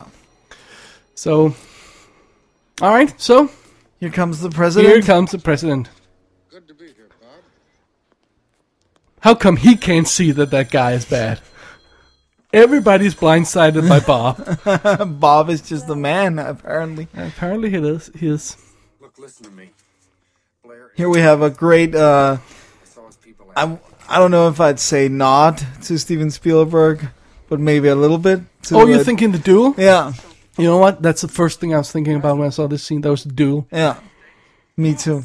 I don't know I, if I- it is I- a- I an don't think actual nod. Spielberg was the first guy who shot a guy in a phone booth who gets run down by a car, but He was the first one to do it where it looked that epic. well, they almost killed him, didn't they?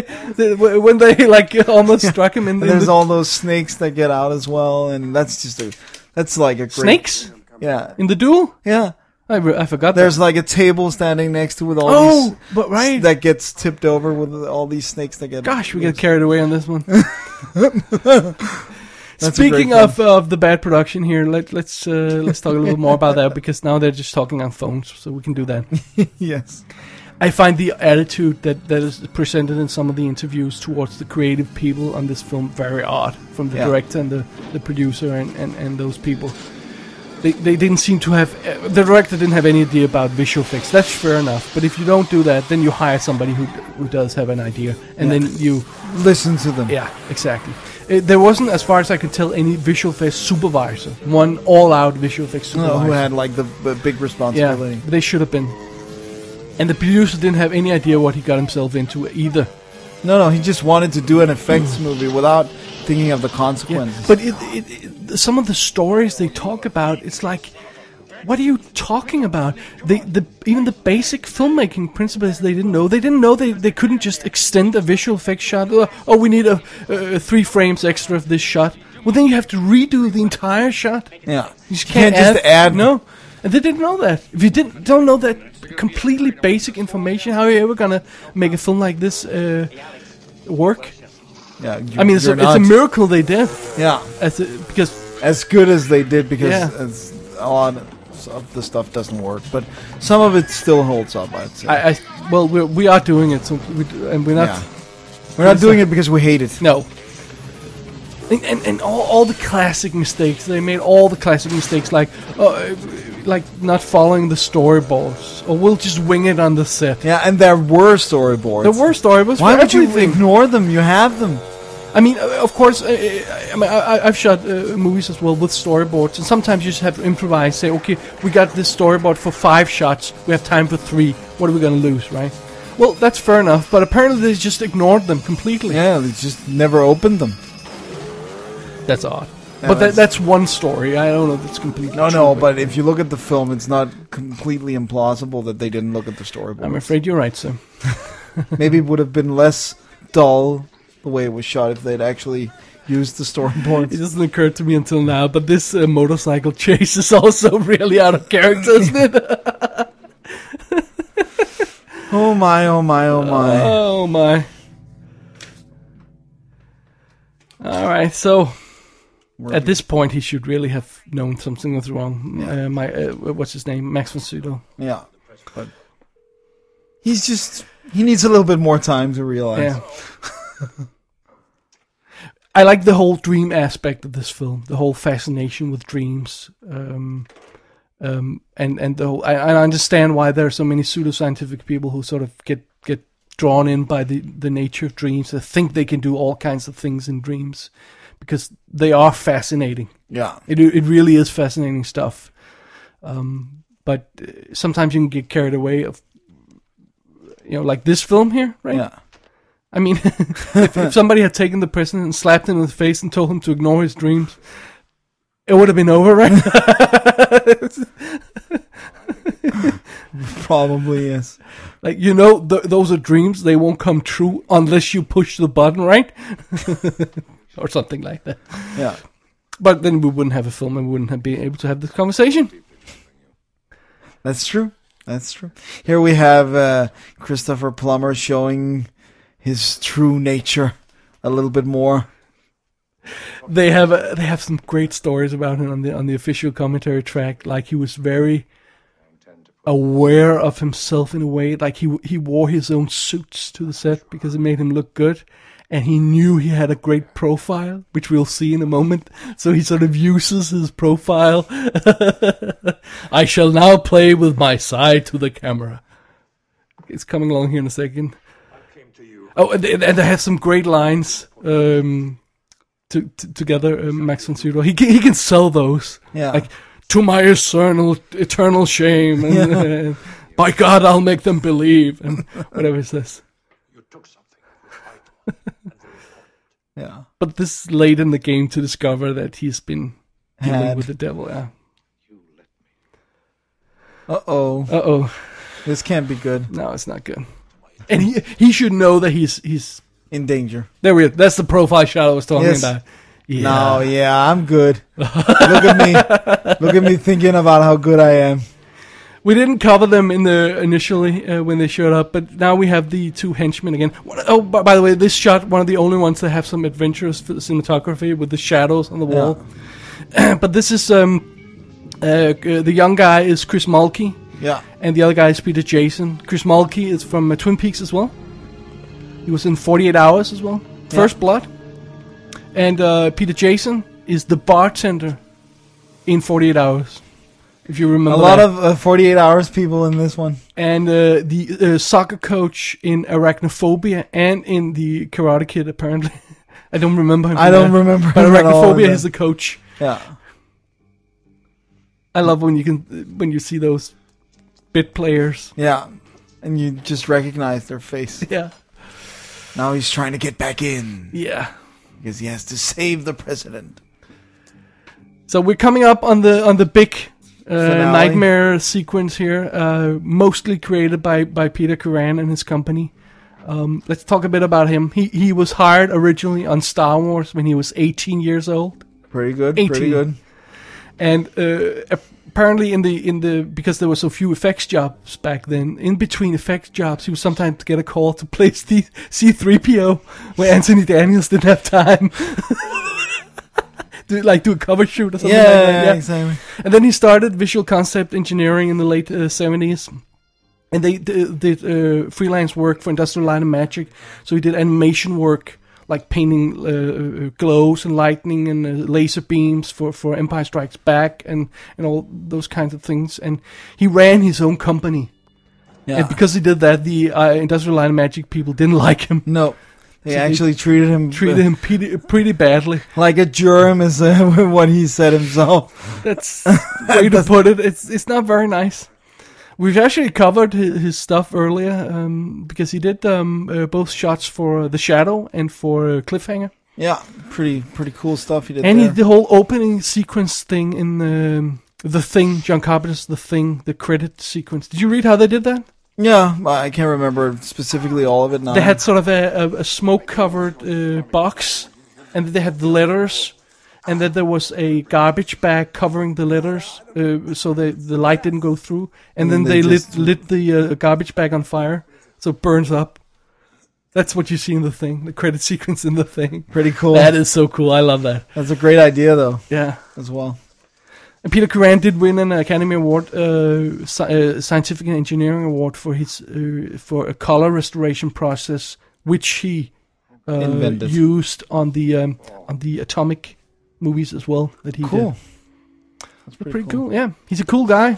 He's really nice. There's some interviews with him uh, as well in that uh, the magicians, uh, the old magicians, what are they called? The new magicians. Yeah. He Visual wa- effects apparently on this one he wasn't treated as horribly as Craig Reardon. No one no one was No, treated as no, horribly because he as, saved them too many times with Yeah. little details. And those are the kind of shots you never notice, and we don't even notice sometimes. what he uh, fixed. Yeah. Come on, kill kill Chris Mulkey. no, he just get a Alright. gets a hit in the face. But that means we're getting ready for the for the big big big dream sequence. Yeah. The whole finale sequence. And now everybody's just going into dreams without that machine. Yeah. That's yeah. From even from other rooms. we other Because- rooms from below, from above, and everything. because they sell it pretty. I mean, he's sitting in the same room as Yeah, her, and, and he focuses. yeah, you're and like he looks at her. and- Yeah.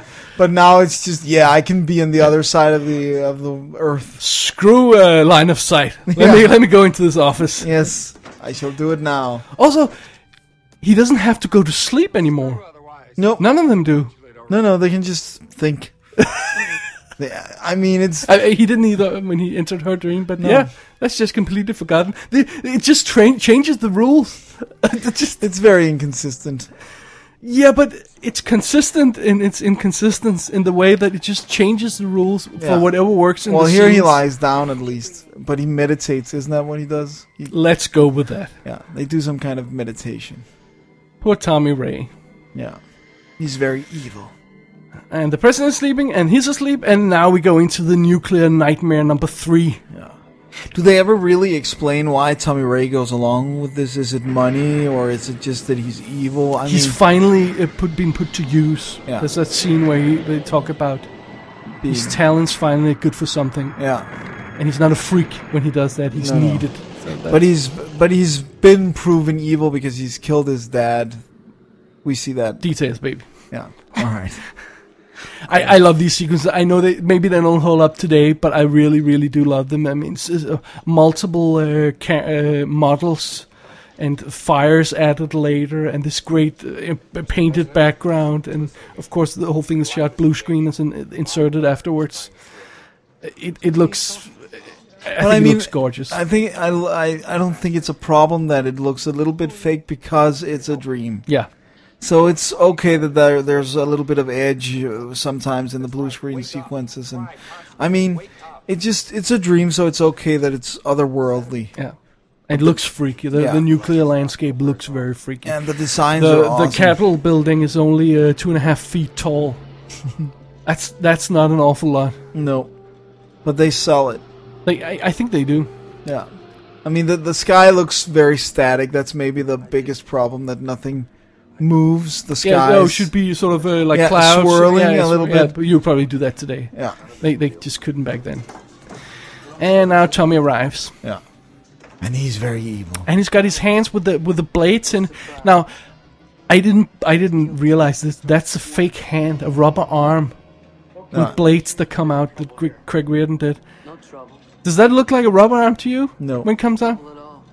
Then move on, son. Why is the cup there? That's odd, right? we don't know who he is. He's just there. Whose dream is this? I mean, did the president dream up a cup? Yeah, apparently he did. The rules are strange.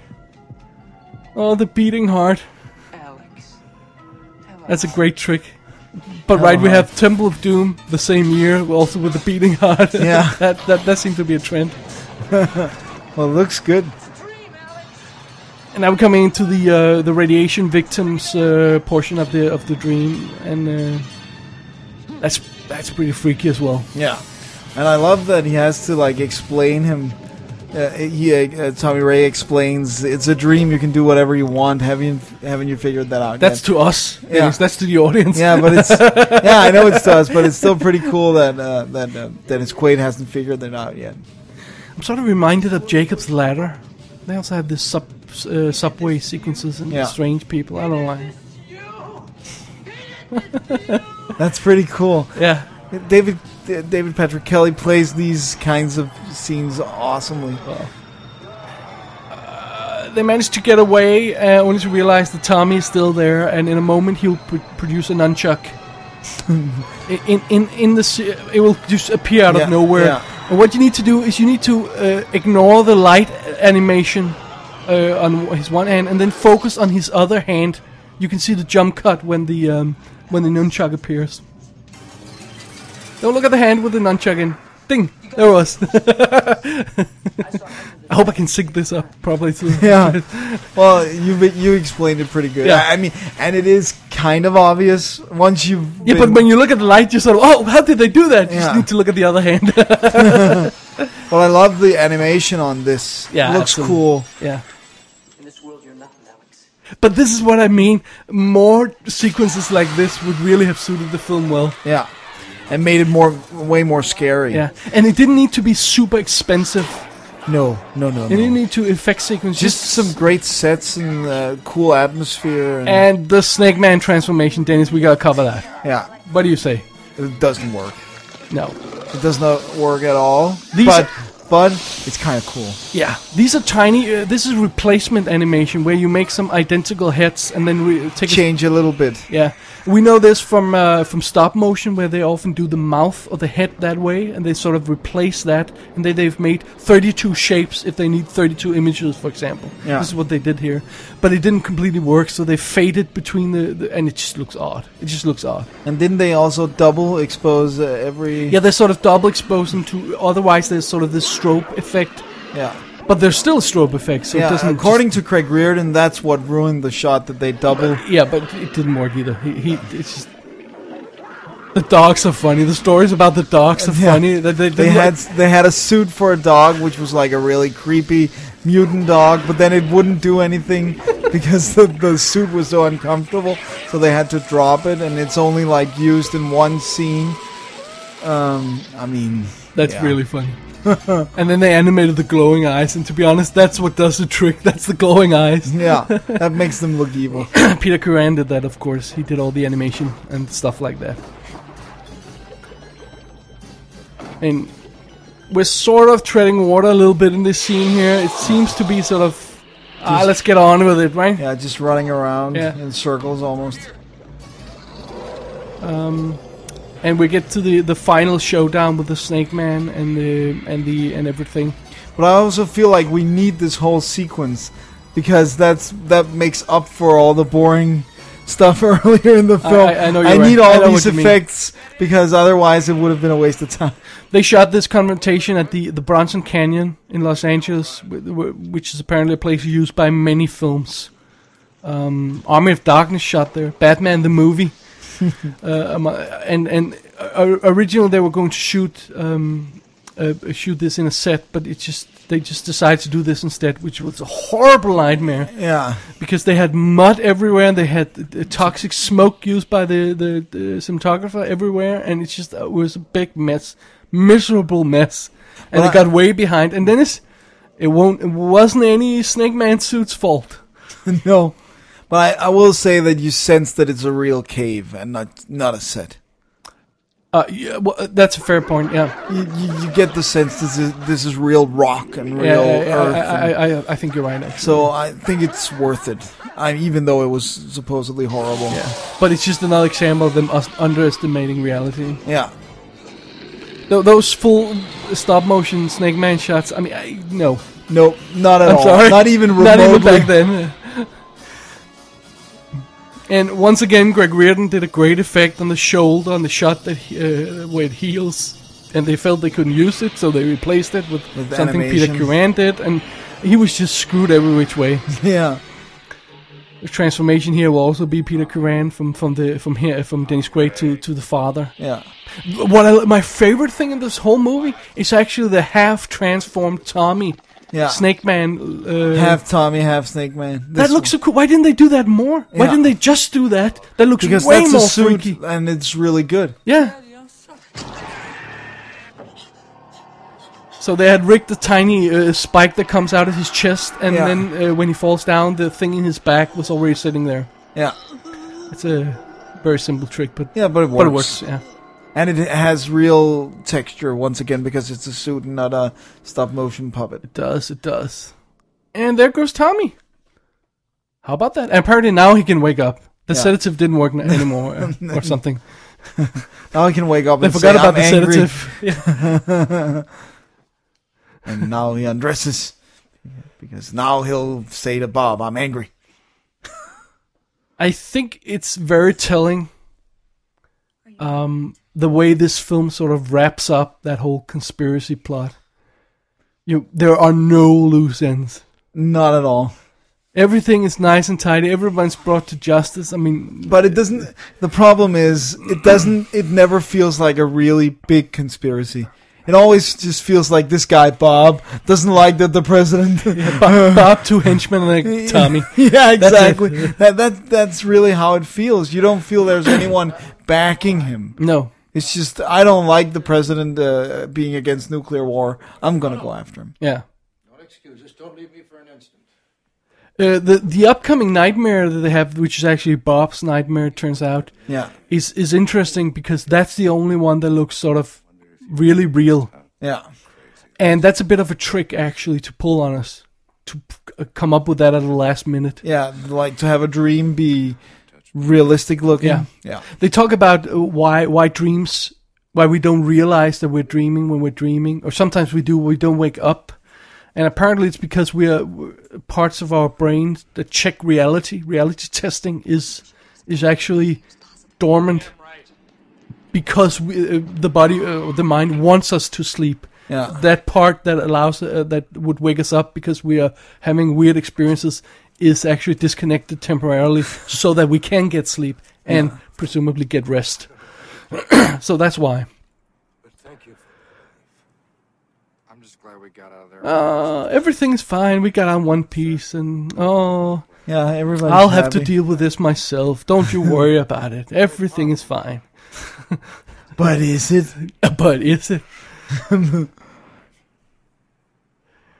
assign Uh, shouldn't that have been some sort of big confrontation. Shouldn't it have been like, oh, he's doing the State of the Union address next day, so he needs to be ready the president. Uh, Yeah, but something why- big.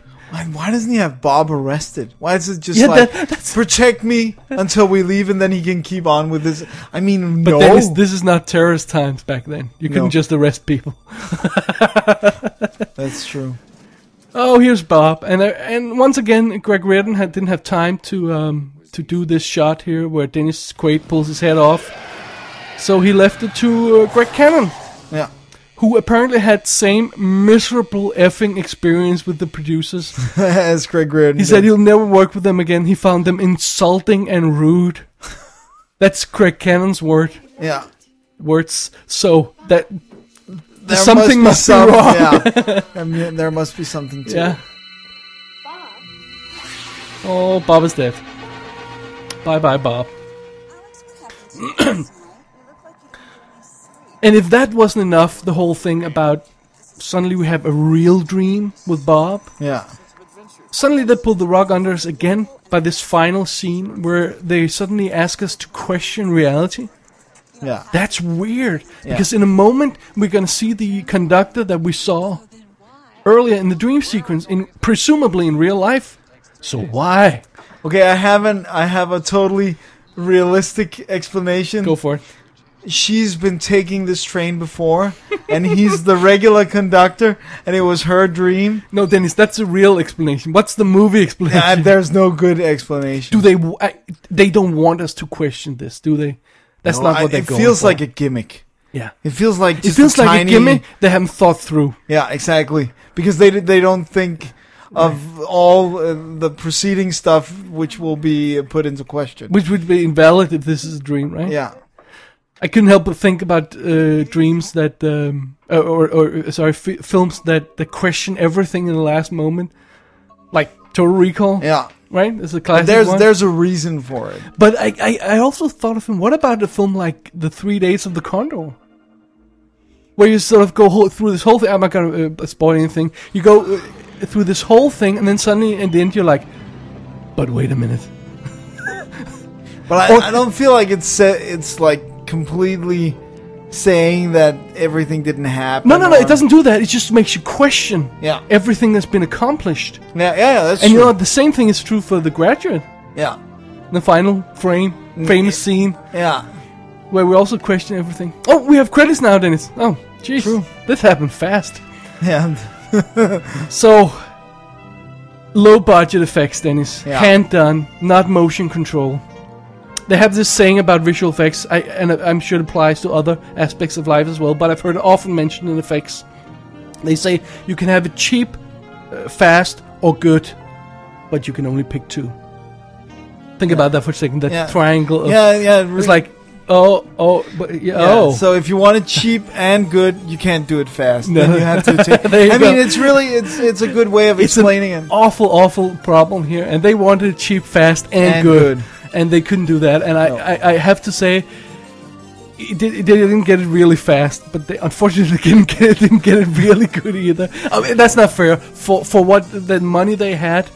They had uh, VCE had a budget of three hundred thousand dollars for ninety plus shots. Yeah, I'd say that the reason they didn't get it fast is that they kept throwing uh, Yeah. stuff in front of the car all the time themselves. Absolutely, It's- they kept adding stuff. Oh, you fix this, fix this. Yeah, So Dreamscape opened on uh, August the 17th, 1984, and it was number 9 next to films like Red Dawn, Oh, yeah. Ghostbusters, Karate Kid, Gremlins, Temple of Doom. Imagine going to the movies that summer. Jesus effing Christ. It took um, it took 12 million in the U.S. and had a budget of anywhere from s- uh, five and a half to eight million, depending on who you talk to, and an effect budget of half a million dollars. That's so that means Greg Reardon had and the stop motion guys had 200,000 to share or, or something. that's not good. That's not an awful Oh, lot. uh, here comes the porn score. God, that is so bad. But Dennis, regardless of the porn score, we still love the movie, don't we? Yeah. I mean, it's it has we, we've we've focused on the problems here, Yeah. but it is a fun watch. It's a fun watch, but I will say that it's faded a little bit with the years. oh, of over course, the yeah, years. sure, sure. I I mean, I was really blown away by it when I was a kid. But now, now Oh, I- it's just quirky. yeah, I kind of But- uh, see the problems but in now. a, in, in a good, warm, quirky kind of way. yeah, yeah, yeah, yeah, of right? course. When I don't want to watch all the big ones that I've seen a million times, like Star Wars, or St- uh, Ghostbusters, or whatever uh, it was. This is a back- good one to, to take this is down a good from sort the shelf. of Yeah. B-level movie for that time, for the 80s to pop in. Yeah. But I will say that the thing that probably bothers me the most today while real is how boringly it's shot. Yeah. That that is like I can I can forgive the, the bad Effects and, effects uh, yeah. because they're still fun to watch. Yeah. But it's really boringly It's, shot. it's rather dull, yeah, it is. Yeah. So that that that's actually my main problem with it today. Too bad. But um still a fun watch. Um, if you want to see some screenshots for the films, uh, remember to go to commentariesonfilm.com and uh, you can see. Uh, maybe we'll put some specific shots if we talk about something specific here. Maybe the nunchuck. I will try to remember that. Yeah. Um, uh, then you go to dddvd.dk, that's dddvd.dk, to read about us. And Yes. you can uh, hit us up on Twitter at double D, that's D O B B E L T D. And you can check other tracks at sarban.com, C as in zebra, A R B A N.com. Yes. That's it. That's it. My name is Dennis Rosenfeld. Oh, we're not done yet, are we? Ah, yes we are. I was running out of time. Yeah, you're this running out was of time. fast. So you have to say your name. Oh, uh, did you say yours? Yeah. My name is Dennis Rosenfeld. Oh, there it is. My name is David Bjerre, and thanks for watching, and uh, see you in our dreams.